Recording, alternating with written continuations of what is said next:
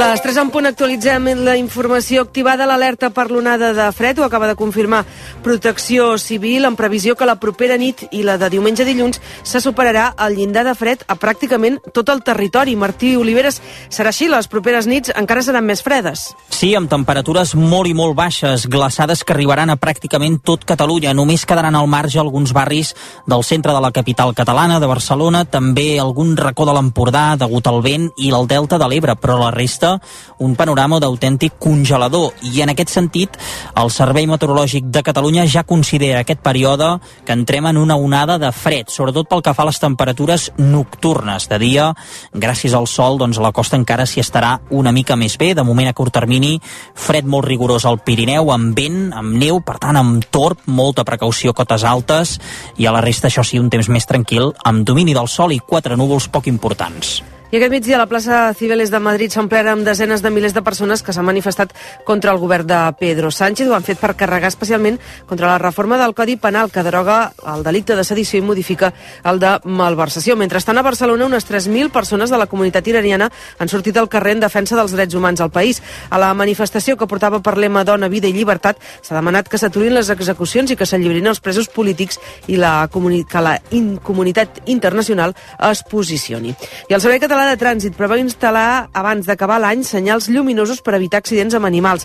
Els accidents de trànsit provocats per senglars i cabirols s'han disparat en els últims anys. Només el 2022 n'hi va haver 5.500, una mitjana de 15 al dia. I Dani Alves ha dormit la primera nit a la presó de Brianzo. La jutgessa que l'investiga per una presumpta violació va decidir enviar-lo a la a presó preventiva sense fiança i aquesta nit ja ha dormit al mòdul d'ingressos de Brianzo. Mentrestant, Pumas, el club mexicà on jugava Alves, ha decidit rescindir el contracte del brasiler. Aquest migdia, Xavi Hernández, el tècnic del Barça, s'ha mostrat molt impactat per la notícia. Estoy en, eh, sorprendido, estoy un poco en estado de shock, ¿no? Conociendo a, a, Dani, pues la verdad que esto es lo primero que me viene a la cabeza. Y después, pues que es un tema de la, de la justicia y que la justicia de alguna manera dictará lo que, lo que sea, ¿no? Ahí ya no podemos entrar. En cuanto a, a Dani, pues me sabe muy mal por él, ¿no? sorprendido por cómo es, cómo es Dani y cómo ha sido aquí con nosotros. Sorprendido e impactado, ¿no? Declaracions de Xavi sobre l'empresonament de Dani Alves en la prèvia del Barça Getafe de demà. D'aquí a poc més d'una hora juga l'Espanyola. Un quart de cinc rep al Betis, estadi a Cornellà al Prat. Joan Camí. Hola, Albert. Uh, no hi ha 11 titular, però sí que l'Espanyol acaba de fer un uh, comunicat dient que vol condemnar enèrgicament l'agressió perpetrada per part de radicals pendents d'identificar aficionats a blanquiblaus. Una baralla que hi ha hagut aquí al costat de l'estadi del Cornellà unes hores abans d'aquest uh, Espanyol Betis que ha de començar a un quart de cinc de la tarda. Doncs aquesta és l'última hora del partit, encara sense 11 confirmats. Ara primera, Rayo 0, Reial Societat 2, a punt de començar la segona part, i a la Premier, Liverpool 0, Chelsea 0, al minut 72. Les 3 i 3 tanquem el racó migdia que hem fet la redacció d'informatius i d'esports amb el Marc Selva, el control tècnic. A partir d'ara continuarem pendents de l'actualitat, els avanços informatius a partir de les 4 al Superesports, avui pendents eh, inicialment d'aquest Espanyol Betis, a les 11 el tu diràs. Ara us deixem amb el viatge bé. Bona tarda.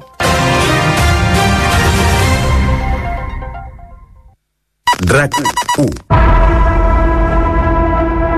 aquest diumenge a dos quarts de set, Barça-Getafe. Ansu i 10 més.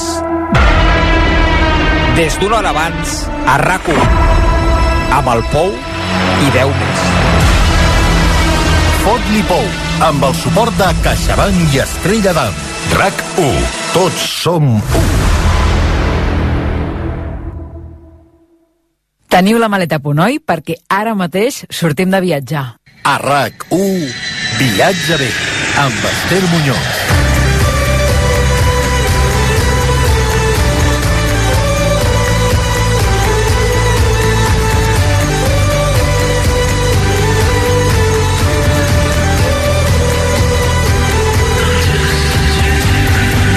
Tarda i benvinguts al programa de viatges de rac Dimecres es va inaugurar Fitur, la 43a edició de la Fira Internacional del Turisme, un certamen que se celebra a Madrid i on fins demà hi participaran 8.500 empreses, 131 països i 755 expositors. Una edició a la d'enguany marcada per la recuperació del sector i de tornada a la normalitat després de les dues anteriors encara en temps de pandèmia. Per conèixer totes les novetats pel que fa a quines seran les destinacions del 2023, propostes d'escapades i activitat empresarial turística. Aquesta setmana, els del viatge B, hem agafat la maleta i hem marxat cap a Madrid. Allà hem recorregut els 15 pavellons del recinte Firal d'IFEMA, més de 66.000 metres quadrats de superfície, i hem conversat amb alguns dels responsables dels seus estants. Aquest és el resum que us hem preparat i que comencem al pavelló 3, on hem trobat l'estant de Guatemala, país soci de Fitur 2023.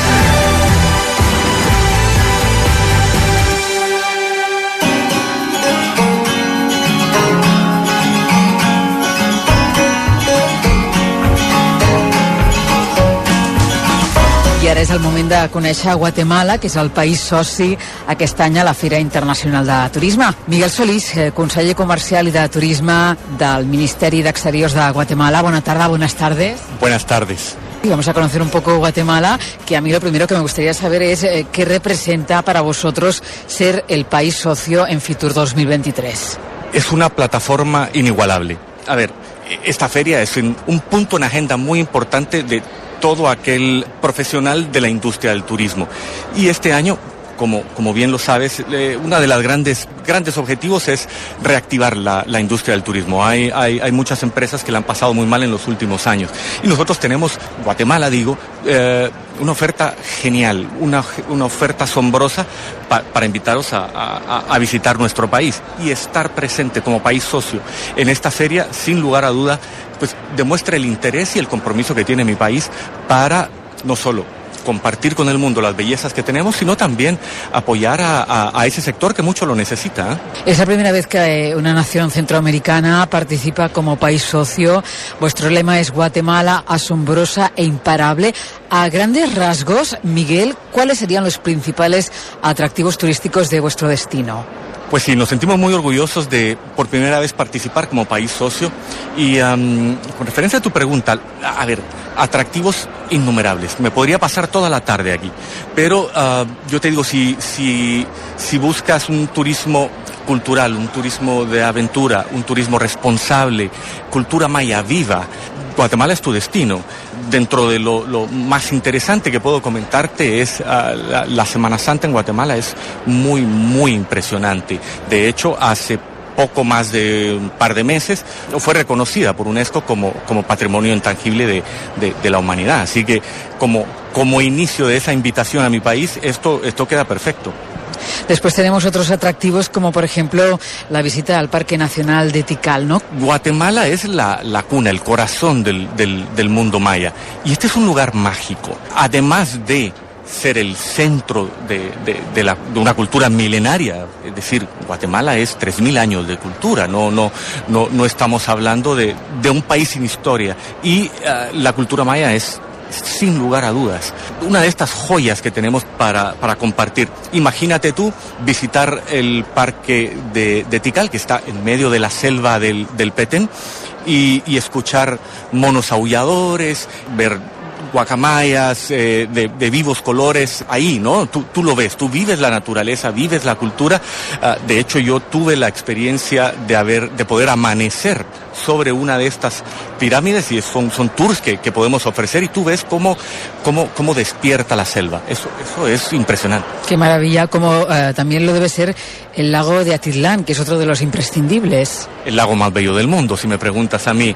Este es, este es un, un, un lago muy interesante, además de que es asombroso, es, es espectacular. Tú puedes visitar una serie de pueblos muy pequeñitos a las orillas del lago, entonces puedes hacer un tour en barca en todos los, los, los, pueblos. Te aseguro que quedarás enamorada. Y déjame, déjame solo mencionarte una cosa más de, del Petén, que es donde está el Parque Nacional Tikal. Hay otro, otro yacimiento de, de maya recientemente descubierto que se llama el Mirador y contamos con la pirámide en masa más grande del mundo, es decir, la pirámide con mayor masa en todo el mundo. ¿Más que las egipcias? Más que las egipcias. Y de hecho, pues todavía no está del todo descubierta, del, del todo trabajada, pero tú puedes llegar a hacer una visita si quieres ir por, por tierra, ¿no? Te, te, te, durará dos días dentro de la selva, también puedes hacerlo por el helicóptero, pero es impresionante porque todo está tal cual, pues miles de años. Esto es una experiencia que realmente no encontrarás en ninguna parte del mundo. Seguimos, seguimos con otros atractivos de, de Guatemala, como por ejemplo Chichicastenango, ¿no? Que es una visita obligada. ¿Dónde se encuentra, Miguel?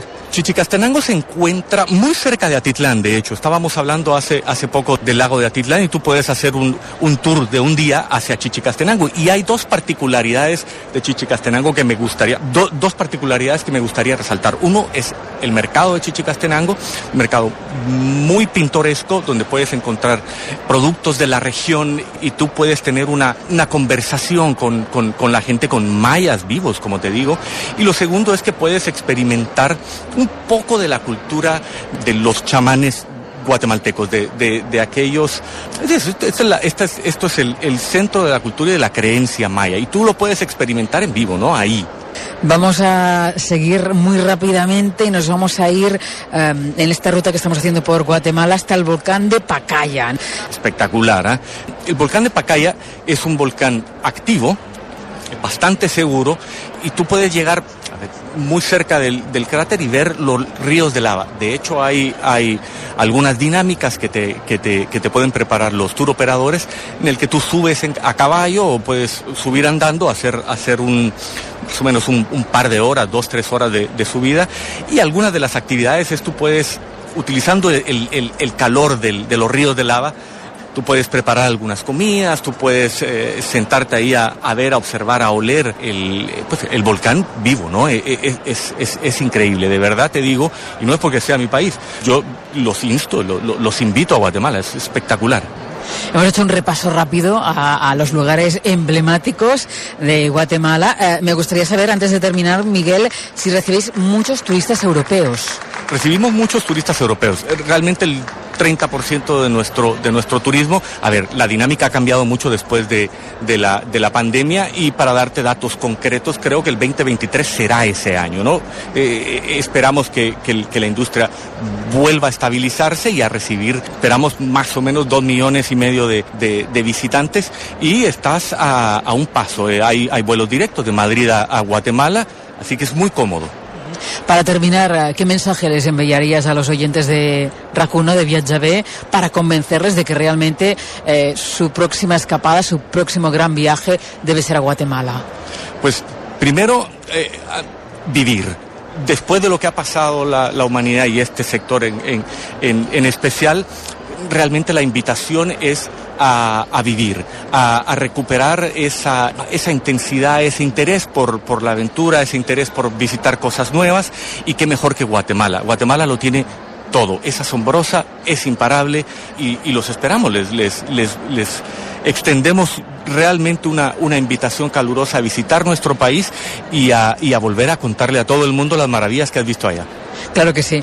Miguel Solís, conseller comercial i de turisme del Ministeri d'Exteriors de Guatemala, moltíssimes gràcies i que vagi molt bé aquests dies a Fitur. Gràcies, adeu. RAC1 us convida a viatjar amb Esther Muñoz i Viatge bé. RAC, RAC 1. Aquest cap de setmana, Superesports de RAC1 amb Xavi Puig. Dissabte serem a Cornellà al Prat a l'Espanyol Betis i el nou Congost al Baxi Manresa Unicaja de la Lliga ACB. Diumenge a RAC més 1 a les 12 la final de la Supercopa d'Espanya femenina de futbol. A l'hora de dinar a RAC 1 Villarreal Girona des de l'estadi de la Ceràmica. A dos quarts de set al Camp Nou Barça Getafe. I també serem a Sant Mamés a les 9 Atlètic de Bilbao Real Madrid. I per rematar-ho, tu diràs fins a la 1 de la matinada. El Barça, l'Espanyol i el Girona Juga RAC1 són una gentilesa de CaixaBank i Estrella d'Am. RAC 1. Tots som 1. RAC més 1. Podcast. RAC més 1 i Borges presenten Respostes que alimenten. El podcast de salut i nutrició a RAC més 1 amb la doctora Magda Carles i Esther Muñoz. Un espai que us ajudarà a menjar de forma equilibrada i resoldrà molts dubtes sobre dietètica. Cada 15 dies, el dimecres, Respostes que alimenten. Escolteu-lo a rac1.cat i a l'APP de RAC1. Tots som Més? 1. A rac Viatge bé. Viviu l'experiència del viatge amb Esther Muñoz.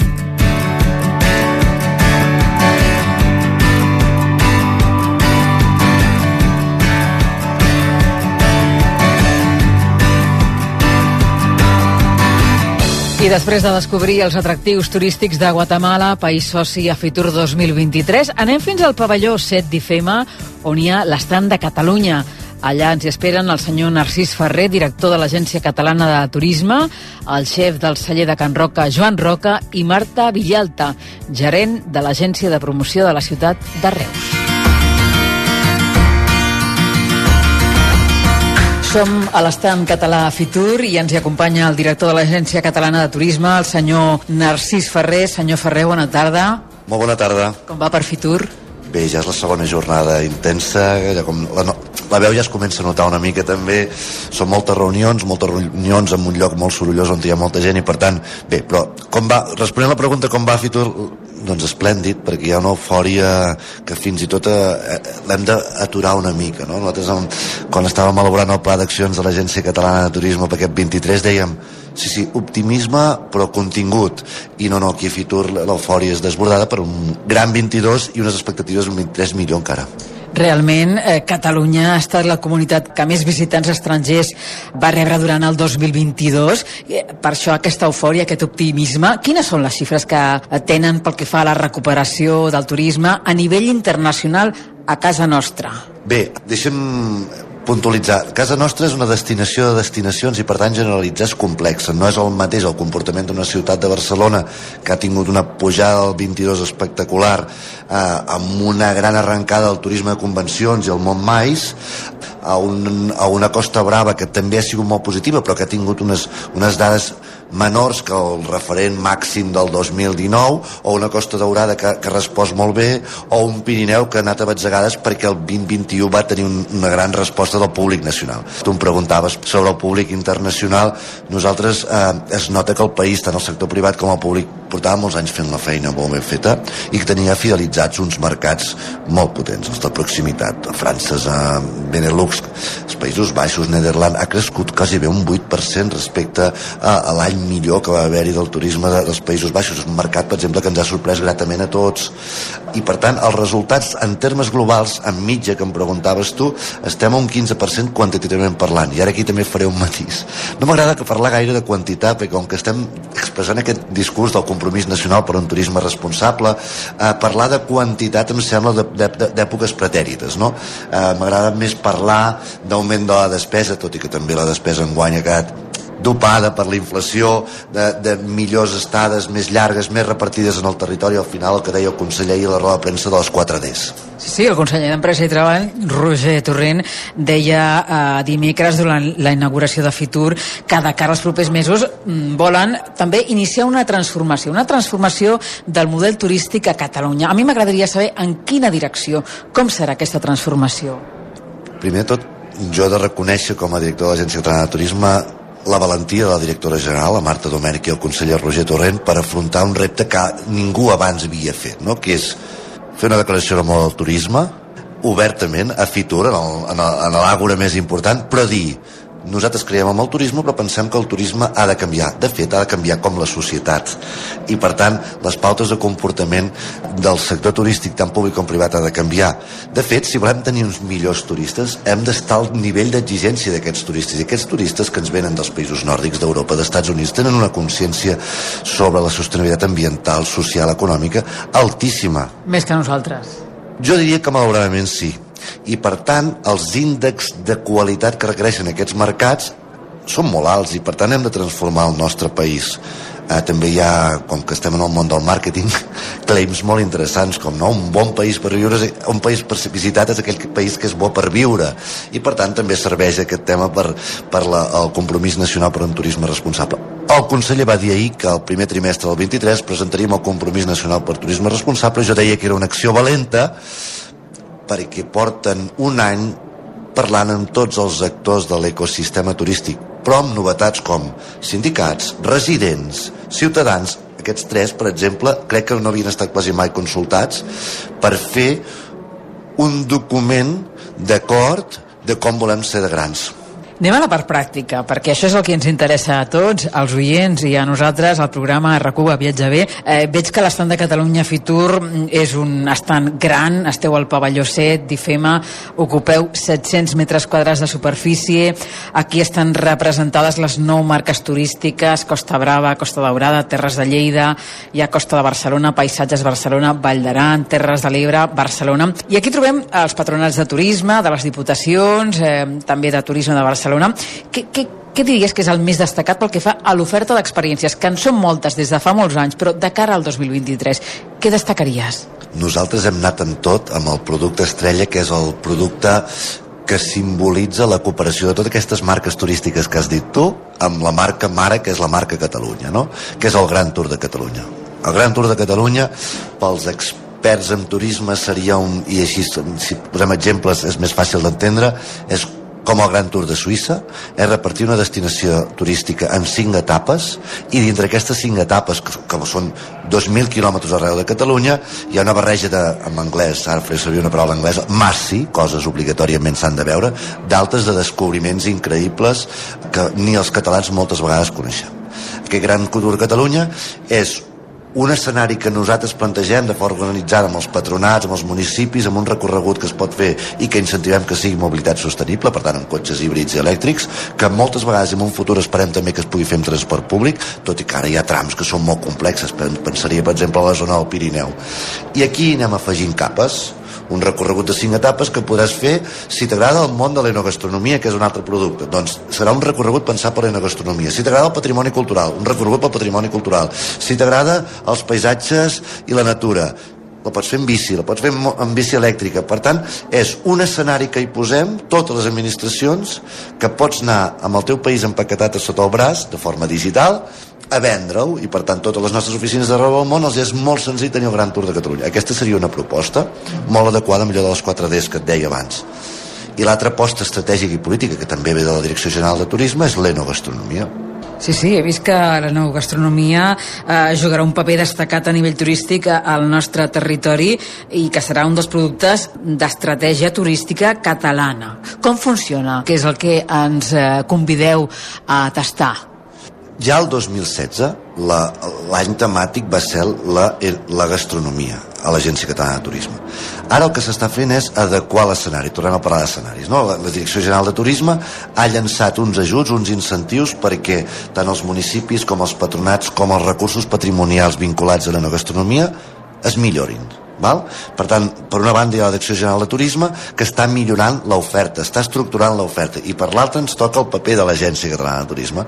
L'Agència Catalana de Turisme som l'instrument de màrqueting del país i per tant estem explicant al món que nosaltres som amb tot el permís de, de l'hòstia som una gran destinació en enogastronomia, un duet insuperable que fa molts anys que tenim i que a vegades sovint ens costa explicar-ho i per tant també focalitzem molt amb un conceptes de màrqueting també molt tècnics, visitors persona, que són un perfil de persones que es motiven i que tenen una motivació principal per aquesta tipologia de vacances o d'estades, que a més a més tenen un alt nivell de renta i que tenen valoren molt la cultura que visiten, que això és important per nosaltres, tenir turistes que valorin la cultura que visiten. Val? I, i estem en ello, hem fet uns grans continguts de màrqueting digital. Eh, recentment vam fer una premier que vam presentar tots els continguts. És l'any de la història on més continguts s'han fet de caràcter publicitari pensats per l'entorn digital. I el que fem és enviar aquests continguts digitals en el tipus de persones que ens interessen de forma molt microsegmentada que és una altra estratègia nova d'aquests darrers mesos de l'Agència Catalana Gran Tour de Catalunya, enogastronomia i no ens podem eh, oblidar de la tercera pota destacada que serà la Copa Amèrica de Vela. M'agradaria saber, Narcís, quan es farà i què suposarà a nivell turístic per Catalunya, per acabar. Bé, aquest és un gran projecte, un projecte que es va començar a cuinar precisament al gener de l'any passat, quan s'estava negociant amb molt de silenci i discreció amb els guanyadors de la darrera edició del que és el Team New Zealand, quan es va assignar la, la, la seu a Barcelona, totes les administracions, hi hem de ser justos, la Generalitat al capdavant, però totes les administracions ens hem arremangat, i en l'àmbit del màrqueting que és la que em pertoca a mi, hem d'explicar al món la grandesa d'aquest esdeveniment. Això es celebra de l'agost del 2024 a l'octubre del 2024, però el rebombori comença des del mes de juny. Hem de pensar que al moll de la fusta hi haurà un gran village, hi haurà els sis equips, perquè hem tingut darrerament una gran notícia, que és que l'equip francès també participarà a la Copa Amèrica, i per tant, podem pensar que això és una festa de rics, que sí que ho és, i que per tant és un tipus d'esdeveniments que porta turisme premium, però amb la variable nova del francès, que és un país on la cultura nàutica ens multipliquen a nosaltres per mil, tindrem un gran desembarcament també de francesos que, que viuen la nàutica metafòricament com el futbol quasi bé i per tant tindrem una barreja Amb passió. Amb passió i, amb, i que són gent planera com tu i jo, no són multimilionaris que van a veure la Copa Amèrica amb un valer. I per nosaltres turísticament és molt interessant. Heu de pensar que és un esdeveniment que sí que només dura 3 mesos, déu nhi però que les prèvia de que dura són 5-6 mesos. I per tant, Montmais, que Bastarà de Barcelona, o sigui, trobades de marques corporatives que es voldran trobar, eh, sortiran de la ciutat de Barcelona, perquè la Barcelona no donarà l'abast gent amant del món de la nàutica d'un gran nivell que sí que hi anaran dos, tres dies a veure una regata però entre regata i regata hem de ser capaços de fer-los anar a provar vins restaurants, patrimonis i visitar Costa Brava Terres de Lleida, Costa Daurada per tant, no és un esdeveniment esportiu que duri una setmana tens l'oportunitat de retenir-los molt de temps i fer-los a disfrutar del nostre país. I diuen que és el tercer esdeveniment esportiu amb més impacte mediàtic del món després dels Olímpics i els Jocs i el Mundial. Ho veurem. Això serà el 2024, per tant encara queda temps, eh, hem de fer moltes coses aquest 2023.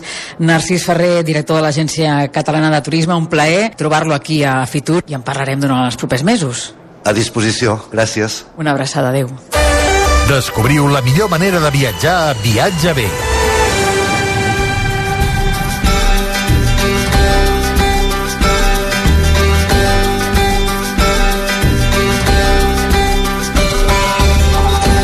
Sorpresa a l'estand de Catalunya i al de Barcelona trobar-me el xef Joan Roca. Joan, bona tarda. Hola, què tal? Molt bona tarda. Què fas tu aquí, a Fitur, avui? Jo, jo he vingut a, a fer dues, coses, és a dir, hem presentat la revista Part, és una revista que edita Descobrir Cuina, que cada any dirigeix un cuiner, la, la, la primera edició la va dirigir Ferran Adrià, aquesta l'hem dirigit els tres germans Roca, i va de que en aquesta revista part, que precisament aquí es presenta en castellà, l'havíem presentat ja a l'octubre en català a Girona, és una revista que parla dels nostres viatges gastronòmics, precisament. Dels vostres, què vol dir? Dels, dels viatges dels germans? Viatges gastronòmics que hem fet els tres germans i que reflectim eh, en la revista explicant com han influenciat un viatge que vam fer al Perú, un viatge que vam fer a Colòmbia, un viatge que vam fer a Turquia, un que hem fet a Escòcia, un que va fer en Josep a la, a la zona de Geòrgia, on hi ha l'origen del vi. És a dir, eh, té a veure amb viatges gastronòmics i, per tant, aquesta revista es presenta justament a Fitur aquests dies. Em van demanar la Judit Càlix, la directora, que vingués, i aquí estic. I ja que estava aquí, em diuen, escolta, promocionem eh, Barcelona com a ciutat gastronòmica. Sí, perquè a més a més, eh, Joan, eh, Barcelona té estant propi aquest any a Fitur, que això fins ara no ho havia tingut. Exacte, Barcelona té estant propi, llavors m'han demanat que passi per aquí i aquí estic, posant en valor Barcelona, Catalunya per extensió, com a destinació gastronòmica de primer nivell. Eh, avui Barcelona té tres restaurants amb tres estrelles Michelin, això no hi ha cap ciutat d'Espanya d'entrada que ho pugui dir, i, i, amb, i, i amb la nostra Catalunya té 4 3 estrelles Michelin, per tant recuperem aquella època en què de Can Faves, Sant Pau, eh, Sant Pol i eh, el celler Girona. Eh, teníem, no, aquests i el Bullin a la seva època, doncs teníem també quatre estrelles Michelin a Catalunya, ara les tornem a tenir, per tant això ho hem de celebrar. Tres estan a Barcelona actualment i per tant jo crec que està molt bé que Barcelona es promocioni com a ciutat de referència del turisme a Catalunya, de la gastronomia també, i per tant, doncs bé, jo encantat de contribuir, de col·laborar, ja que Girona està a 35 minuts d'AVE de Barcelona, per tant, ens posem, ens posem en el mateix context. Realment has vingut una miqueta a parlar de la revolució gastronòmica que continua. revolució gastronòmica que continua, de la que en formem part, que en som també eh, iniciadors d'alguna manera, eh, junt amb, amb Ferran Adrià, per suposat, com a líder d'aquest moviment, de ja fa, aviat farà tres dècades que tot això es va iniciar, dos de les que més se'n parla, i per tant, doncs, això també ho, ho hem de posar en valor, i ho hem de posar en valor en aquest moment en què tot reneix, eh, no hem de perdre la memòria i recordar d'on venim i què ha passat i el que ha passat és que en aquest país hi ha hagut una revolució gastronòmica important sense precedents a nivell internacional i que ha influenciat d'alguna manera cuines de molts llocs del món i cuiners de molts llocs del món que es van endur passant per les nostres cases, especialment pel Bulli, una llavor que ha, en fi, que ha fet ha crescut en, en llocs tan diversos del planeta que d'alguna manera eh, veuen la cuina amb una mirada diferent des de llavors. I a més a més, eh, una revolució, eh, la gastronòmica, que està influint també moltíssim en el turisme, no? en els viatges. Fins a quin punt? Bé, jo crec que el, el fenomen gastronòmic és un, és un fenomen molt important i que cal tenir-lo molt en compte des del punt de vista turístic. És a dir, les destinacions eh, turístiques cada vegada eh, posen més en valor allò que tenen i se n'han donat compte moltes de que no és només sol, platja, monuments, eh, cultura, paisatge, sinó també i sobretot i cada vegada més el que els fa diferents és la seva proposta gastronòmica eh, afortunadament ho estan veient institucions, ho està veient tothom, però el que ja fa molt temps que ho veu és el turista amb inquietuds culturals eh, que vol conèixer el territori no només des d'allò que li han dit que vagi a, a visitar o a veure, sinó d'allò que, hagi, que vagi a menjar o a veure, no? perquè en el nostre cas també tenim una proposta vitivinícola interessantíssima que també fa que al final puguem mostrar un territori molt divers, molt complex, amb una gran diversitat i una gran riquesa, no? I, i per tant això ho hem d'explicar i amb una fira com Fitur és quelcom que s'ha de posar en valor. Per acabar, d'aquests viatges que expliqueu en aquesta revista que m'explicaves a l'inici que, que feu conjuntament amb, amb els teus germans, de, dels que tu expliques, en destacaries algun eh, per la gent que vulgui conèixer la teva eh, faceta com a viatger? Qui, quin seria? El més important o del qual tens millor record? Bé, nosaltres vam iniciar l'any 14 una gira internacional, tancàvem el restaurant 6 setmanes i ens anàvem 45 persones de l'equip a cuinar a, a, a Lima i cuinàvem peruà, anàvem a Bogotà i cuinàvem colombià, anàvem a DF i cuinàvem mexicà, a Estambul i cuinàvem turc. Jo, un viatge que, que em va canviar la percepció de la cuina probablement va ser la primera vegada que vaig a Mèxic. No aquestes darreres que, en fi, ja coneixia més i era més d'exploració. La primera vegada que visites Mèxic amb ulls de cuiner, que vas als mercats i tens la sort de conèixer cuiners que t'ensenyen i t'expliquen la cuina, quedes fascinat i tornes i tornes diferent. Mèxic és un país gastronòmicament molt interessant, com ho és Turquia, com ho és el Perú, com ho, són, com ho és Colòmbia i com ho són tants altres països. Eh? Però, en fi, especialment Mèxic, per la seva diversitat, és extraordinari. Aprenc la paraula, no conec Mèxic, així que prenc nota de tot el que has recomanat i ens inspirarem no? en aquesta revista també d'alguna manera el viatge ve de racó. Moltíssimes gràcies. No, gràcies a vosaltres, un plaer. Fins la propera.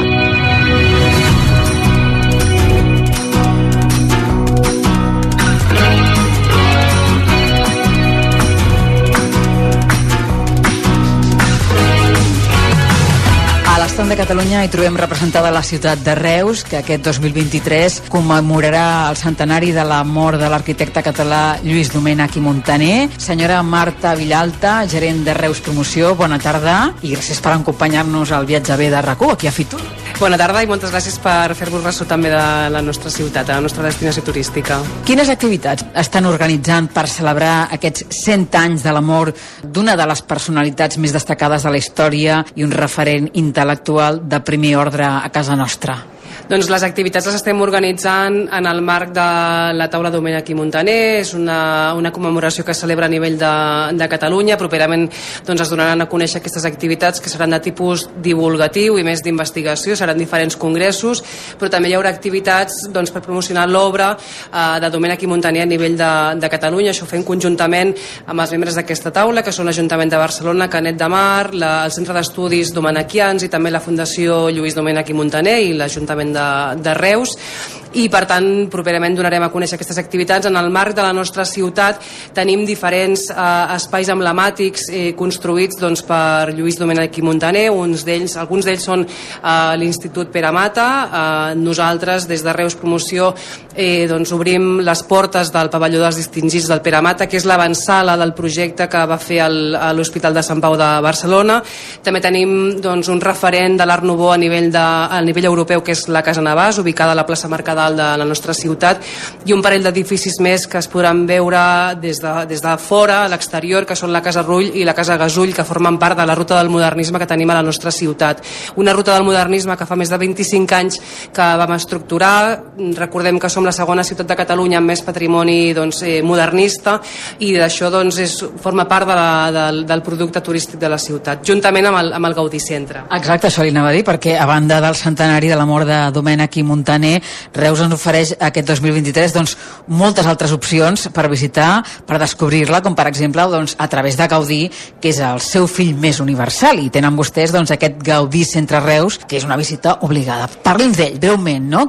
Com és aquest lloc? El Gaudí Centre és un homenatge que la ciutat de Reus ha fet al, al seu fill més universal. És un centre d'interpretació de tres plantes que explica de manera molt interactiva, molt adreçada a tots els públics, eh, per tant, molt adreçada a públic familiar, eh, la vida i obra d'aquest genial arquitecte des d'un punt de vista doncs, molt, molt amè, molt, molt proper a qualsevol, a qualsevol persona que, que faci aquesta visita i que acosta doncs, a aquest públic eh, a través de diferents eh, eines audiovisuals i immersives i permet entendre tota l'obra de, de, de Gaudí. Eh, per altra banda, tenim diferents activitats també en el propi Gaudí Centre, doncs, adreçades també a nens, a persones adultes, fem un escape room, per exemple, fem ludoteques, fem tallers infantils, per tant, una mica durant tot l'any eh, i depenent de l'època, eh, els visitants podran també fer activitats d'altres tipus en el propi Gaudí Centre. També disposen de, de la ruta específica Gaudí-Reus, aquesta també és importantíssima.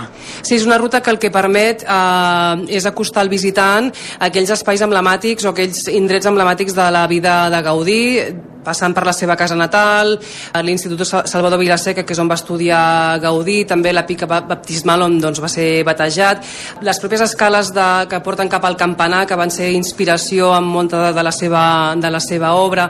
Per tant, el que procurem també és que el visitant vegi doncs, l'origen del, del geni i també on es, va, on es va inspirar i on va, on va créixer.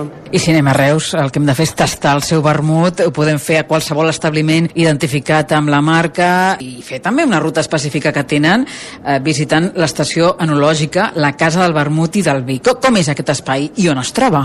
Nosaltres fa ja molts anys, eh, Reus és un espai de promoció i de sensibilització pel consum del producte de proximitat. Reus sempre ha sigut aquesta plaça eh, on s'ha pogut comercialitzar el producte del territori i el vermut, però també l'avellana de Reus, eh, l'oli d'OP Siurana, els vins de les denominacions d'origen, tenim una àmplia representació de les diferents denominacions d'origen d'origen del territori i l'estació enològica justament per, pretén ser un espai de promoció i de sensibilització pel consum d'aquest producte. En aquest espai doncs, eh, es dona informació sobre, sobre els diferents tipus de producte i també s'hi pot fer degustació d'aquests productes, eh, principalment el vermut de Reus, però també dels altres. I per tant fem una activitat, una visita també doncs, on, on, on es poden tastar aquests productes de qualitat. I el que també recomanem és que aquest producte eh, el visitant el compri en els establiments comercials de la ciutat o es degusti en els establiments de restauració. Per tant, el que procurem és aquesta traçabilitat, no? que el visitant a tota la ciutat hi trobi aquests elements de, de producte de proximitat i de qualitat. Marta Villalta, gerent de Reus Promoció, ara el que toca és anar a Reus i posar en pràctica tot això que ens ha explicat. Moltíssimes gràcies. Gràcies a vosaltres. A RAC1, Viatge bé, amb Esther Muñoz. RAC1 Coneixeu la profecia del déu azteca Xuclamelamol? fill de Nola Xuclistan, diu així. A les 12 del migdia, de dilluns a divendres cada dia, un tal Andreu i un tal Dalmau sortiran plegats el cau. La competència. De 12 a 1 amb Òscar Andreu i Òscar Dalmau. El cau s'ha d'interpretar com la ràdio, que encara no s'havia inventat. Estava a punt d'inventar-se, faltaven uns segles. Misteris resolts. RAC 1. Tots som 1. RAC més 1 presenta... Emili Solsona, jubilat. So- Somos un equipo de investigación desde famosa ya, el laureano, que es, es mi, mi aprendiz. Eh, Somos eh, un equipo de investigación policial urbana. I Laureà Lledó, 40 anys i vivint amb els pares. A les 22.03 al carrer Valladolid del barri de Sants de Barcelona, una dona va cridar molt fort. Tots dos formen un equip d'investigació criminal que busca casos on no n'hi ha. Ya sé lo que haces con tu mujer cada noche. tranquila. ¿Eh? Cuando subes borracho. eh, oh, manda- que me lo han dicho los vecinos. Si no ve. ¿Qué digo? ¿Quieres un Mira cap aquí. Eh, eh, Crits, un podcast que posarà foscor a la llum. Cada setmana un cas a l'app de rac i a rac I divendres la resolució al versió RAC1. Crits, amb el suport d'òptica i audiologia universitària per a joves d'un a 100 anys. A RAC1 Viatge bé. Tot un món de viatges amb Esther Muñoz.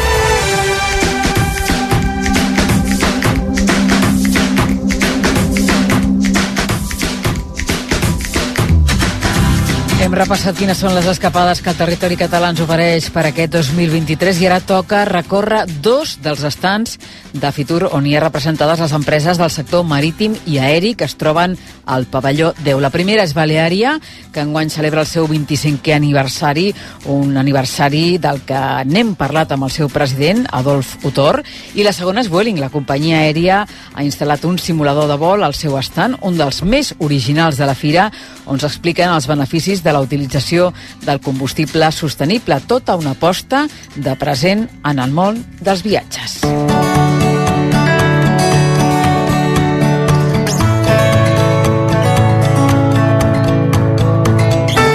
Ens trobem en un dels estants de Fitur que més poder de convocatòria ha tingut aquest 2023 i no és per menys perquè la companyia on estem està celebrant el seu 25è aniversari. Adolfo Autor, president de Baleària, molt bona tarda. Bona tarda. Primer de tot, felicitats per aquests 25 anys d'història. Moltes gràcies. Què suposen eh, per vostè que, a més a més, i és des del principi a la companyia, haver arribat fins aquí, fins a aquest quart de segle? Home, és important sempre complir anys. 25 anys han donat per molt eh? I, i en aquests 25 anys han fet moltes coses.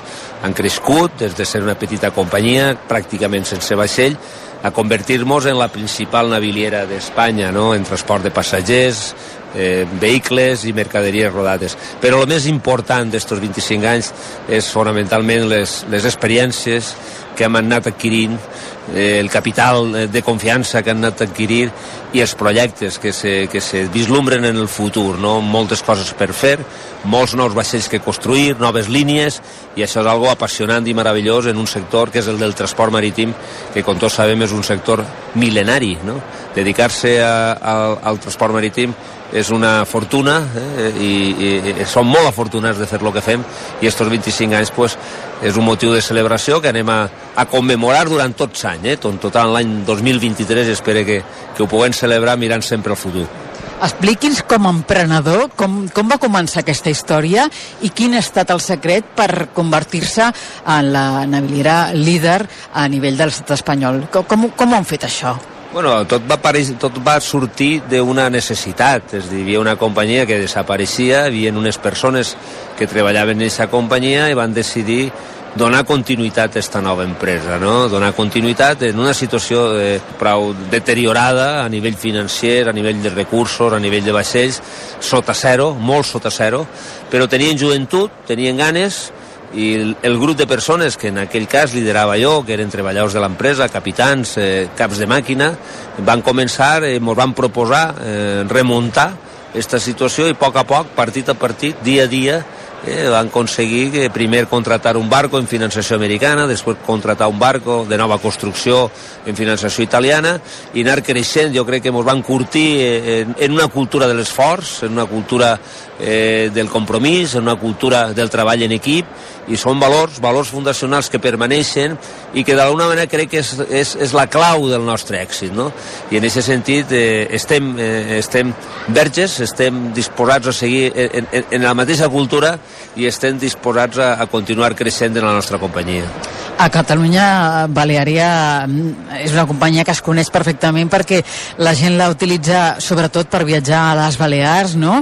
És un trajecte ràpid, a més eh, és un trajecte còmode, perfecte per anar en família, per portar-te el cotxe de vacances, eh, però vostès, mm, a part d'aquestes rutes, en tenen moltes més, no? Quines són? Nosaltres som importants, eh, som els més importants en Barcelona, en les Illes Balears. Som la companyia que més passatgers, més vehicles i més eh, camions o mercaderia rodada transporten des de ja fa molts anys, des de l'any des de fa 20 anys. De la companyia en té 25 i al quinter any d'estar treballant ja va desembarcar en el port de Barcelona. Estem en València també i cobrim totes les Illes Balears, estem en Dènia, que és el punt més proper, i també molts catalans baixen a Dènia per anar a Formentera perquè tenim enllaç di directe. De fet, Dènia és l'origen de la companyia, també. Dènia és on està la seu corporativa i on va néixer la companyia, efectivament, i és un port mil·lenari eh, que enllaça eh, totes les Illes Balears des de fa molts, molts anys. No?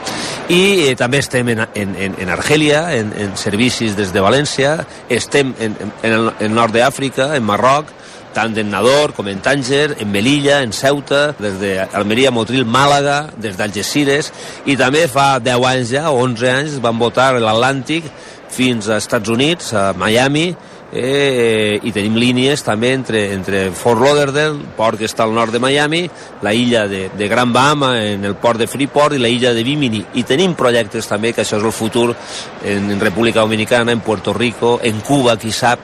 És dir, tenim molts projectes, per una banda, en el Caribe i també en el nord d'Àfrica. Parlem dels projectes d'aquest any. Sé que aquest estiu eh, la línia Eivissa-Formentera incorporarà un nou ferri, un ferri elèctric. Parlim d'ell. Bueno, el cap de Barberia, que així es diu, és un ferri en propulsió 100% elèctrica que operarà en emissions zero eh, quan, en, les, en, en l'acostament als ports, tant d'Eivissa com als, al port de, de, de la Sabina, en Formentera, eh, farà les maniobres en emissions zero, en, el, en elèctric 100% en bateries i les estances en port seran també elèctriques. No? Este vaixell incorpora, eh, com a gran novetat, les emissions zeros en port i en els acostaments als ports, l'únic que passa és que encara tindrà una propulsió, una, una, una planta de, de, de generació elèctrica dièsel que la farà servir sols quan està navegant. No? És un barco que portarà totes les mercaderies en una motorització molt ajustada perquè les emissions siguin mínimes, les emissions de CO2 a l'atmosfera, la velocitat estarà més ajustada però permetrà un viatge, eh, un viatge per a les persones, a més de les mercaderies i els autos, un viatge en un poc més de temps per un viatge en un nou concepte que ens han atrevit a dir Green Travel Experience, concepte d'espais de, que serà una mena de, de, de chill-out o de, o de beach club, on la gent podrà disfrutar de la travessia en una bona música, en un DJ, en un bon còctel. Quan diu una miqueta més de temps, eh, de quin temps? De, de parlar de 40-45 minuts a parlar de 55-60 minuts. No? Comptarà en dutxes, perquè la gent que torna i a dutxar-se puga dutxar-se en una cabina de DJ, concepte nou, totalment diferent i que res terà que veure en, en el típic barco transbordador, en cadires alineades com si es tractava d'un cine. Anem a veure, no? Anem a veure si la gent sacrifica un poc temps de, de travessia, entenent que la travessia és una experiència en si mateix, en parcs naturals, eh, per estribor, Illetes, les Salines, en Eivissa, Illetes, Escorxador, Espalmador, i una travessia per la que moltes persones lloguen eh, llots a preus molt alts per estar ahí. És dir, nosaltres per un preu mòdic es porten d'una illa a altra i a més podran disfrutar d'un entorn natural únic s'ha de cuidar el planeta i a més a més ho estem comprovant a Fitur, no? que les companyies estan fent i han de fer un esforç en aquest sentit. La sostenibilitat manarà aquest segle. Per nosaltres no hi ha cap de dubte, no és una opció, o ser sostenible o no se serà. Eh? Ja no com a planeta, com a país o com a humanitat, eh? no serem tampoc com a companyies. Jo crec que avui per avui, conforme van les, les normatives cada vegada més exigents, el comerç d'emissions, tindràs que pagar per emissions, se te prohibirà si emitixes Baleària sempre s'ha caracteritzat per anar a l'avantguarda en este tema, en este tipus de temes, en l'ús del gas natural liquat, en les investigacions que fem respecte a l'hidrogen, en promoure el gas renovable a través de les granges, macrogranges i els vertederos i d'alguna manera eh, continuem treballant ara també en els combustibles sintètics i nosaltres estarem sempre davant perquè creguem que ser sostenible i apostar i invertir en sostenibilitat és proporcional a la competitivitat que tinga la companyia. No és una opció, ho fem per convicció, però ho fem també per conveniència, perquè creiem que és convenient e interessant i és negoci, encara que soni malament, ser sostenible. Segur com els oients de Viatge B i de rac optaran en les properes escapades, en les properes sortides i vacances per la navegació i per Baleària. Que tinguin vostès un molt bon aniversari a tot l'equip, a tota la companyia i que per molts anys.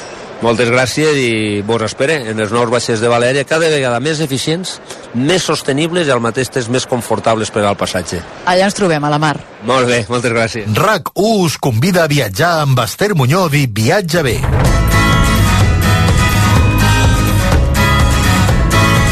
Seguim passejant per Fitur i ara ens aturem a l'espai on hi ha representades les companyies aèries, en concret a l'estand de Vueling, l'aerolínia líder a la seva base principal a l'aeroport de Josep Tarradellas al Prat, una companyia que pertany al grup IAG i que és una de les principals aerolínies de baix cost a Europa. Ens hi acompanyen el senyor Jordi Pla, director d'Estratègia i Desenvolupament de Rutes, i el senyor Fran Sant Martí, director de Sostenibilitat de Vueling.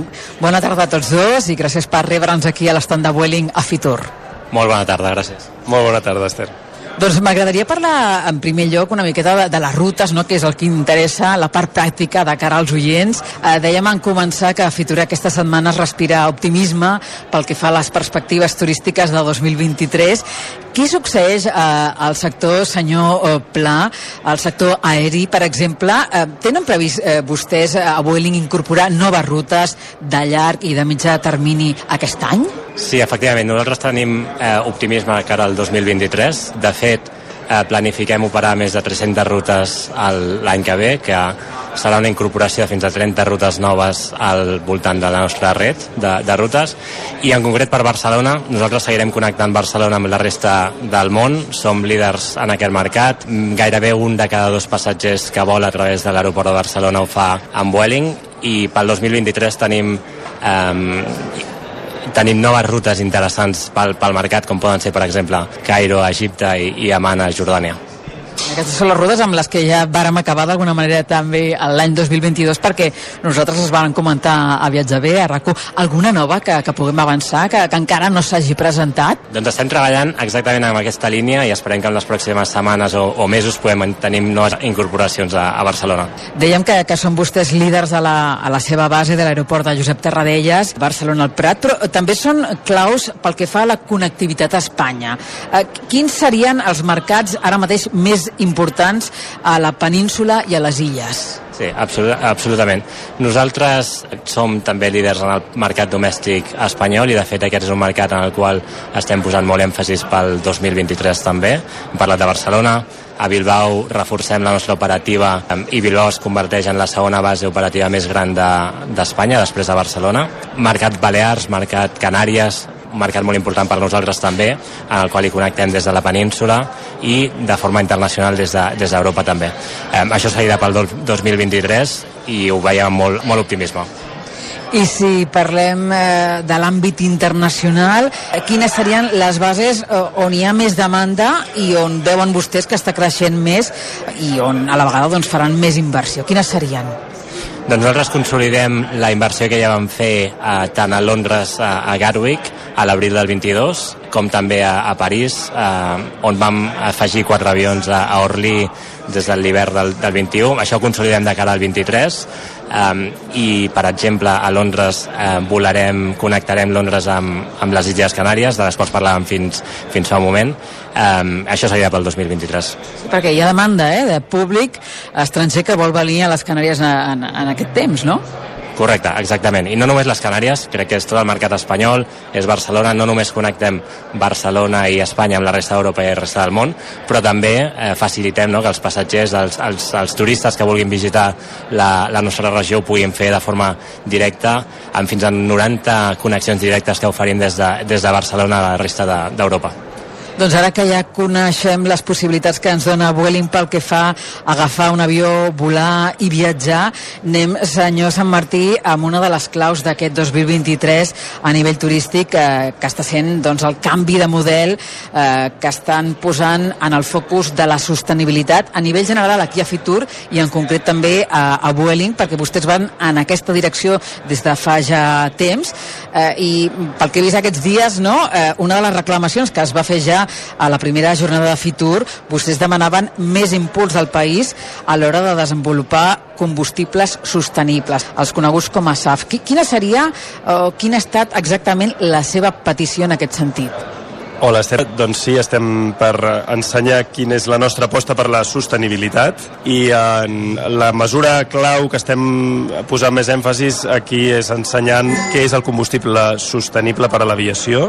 Podem explicar breument què és? Sí, tant. Uh, és un tipus de combustible que ja existeix, es pot utilitzar actualment a les flotes, en els avions actuals, amb els motors actuals, sense realitzar cap tipus de modificació i està permetent reduir les emissions en més d'un 80% respecte als combustibles convencionals.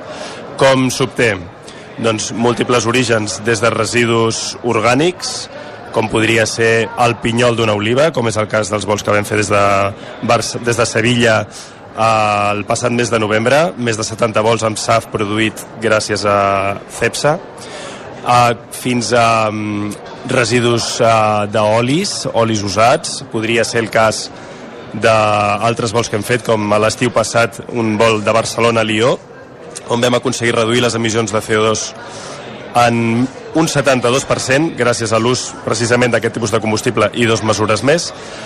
I eh, el futur inclo, inclòs està contemplant eh, molt aviat la producció de l'anomenat combustible eh, sintètic, que directament el que fa és capturar CO2 de l'aire, mesclar-lo amb hidrogen verd a través d'energies renovables i aquí obtenim un combustible completament sintètic que es pot ficar ja en els motors actuals sense realitzar absolutament cap modificació i que en aquest cas podria permetre reduccions de fins al 100%. Ens deia que no cal renovar la flota d'avions, que amb els mateixos avions poden fer utilitzar aquest combustible.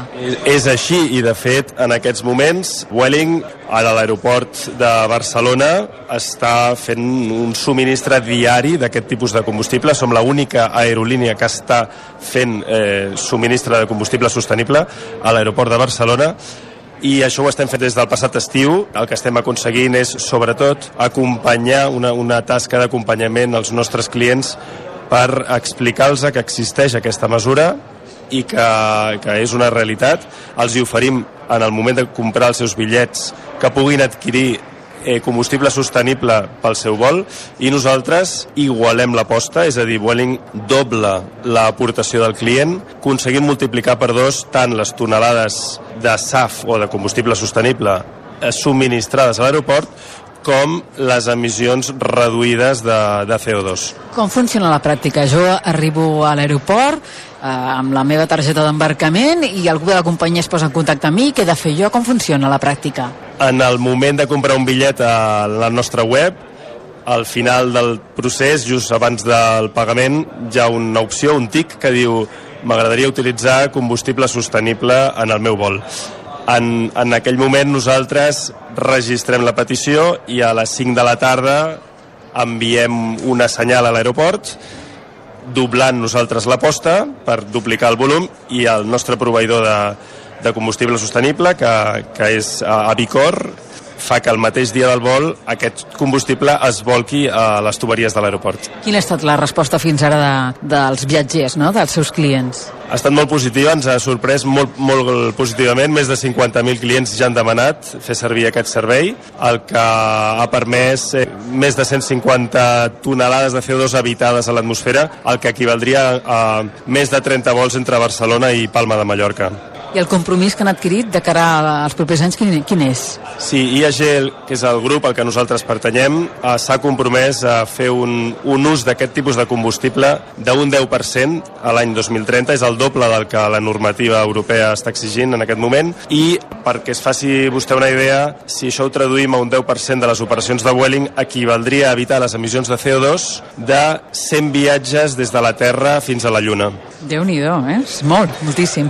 Eh, per cert, he vist aquí a l'estand de Welling que tenen a l'entrada un simulador. Per què serveix? Sí, el, el nostre objectiu és una tasca didàctica per ensenyar a la gent com es pot obtenir aquest combustible sostenible d'aviació. Llavors pots capturar residus urbans, residus agrícoles, inclús el CO2 de l'aire i un cop has mostrat la teva capacitat de capturar aquests residus generes, ets capaç de generar més o menys SAF, que després és volcat amb un simulador on pots experimentar l'experiència de pilotar amb SAF, que és exactament la mateixa, perquè químicament i des del punt de vista de rendiment dels motors no hi ha absolutament cap canvi.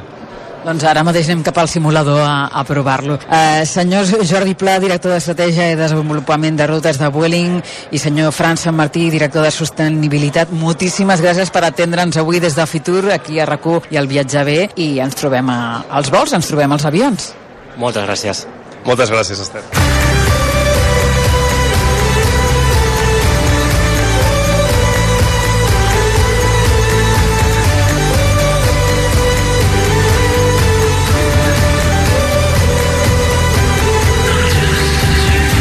Aquí el viatge bé especial Fitur, la Fira Internacional de Turisme, que tancarà demà la seva 43a edició, la del 2023, fins l'any vinent.